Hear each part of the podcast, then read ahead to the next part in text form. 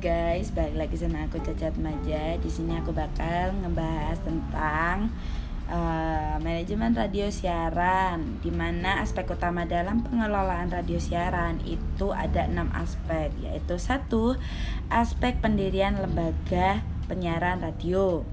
Di mana latar belakang tersebut ada sejarah kapan dan alasan pendiriannya kondisi masyarakat seperti karakter di wilayah layanan siaran pada umumnya, gaya hidup, dinamika yang nampak secara umum dan lain-lain.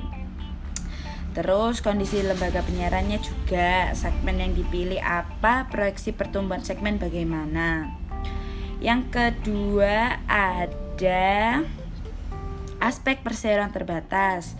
Yang ini berkaitan dengan kepemilikan lembaga penyiaran radio kayak pemegang saham, latar belakang pemegang saham, terus berapa besar saham masing-masing pemilik. Selain itu juga unsur permodalnya bagaimana, seperti modal yang ditempat modal yang ditempatkan, modal yang disetor dan modal dalam bentuk barang. Yang ketiga ada aspek program siaran. Beberapa yang perlu diperhatikan dalam aspek program siaran ini ada tiga. Pertama segmentasi target, kedua format siaran, ketiga komposisi siaran. Terus ada lagi nih. Secara profesional programasi po, programasi mempunyai pembagian jadwal program siaran.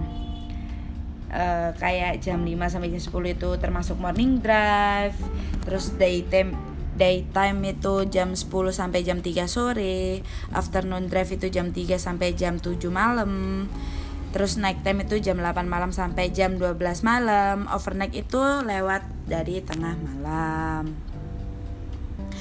Terus komposisi siaran itu ada empat ya hiburan informasi pendidikan dan iklan.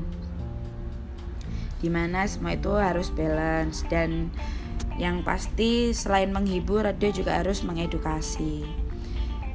Oke, segitu aja. Terima kasih.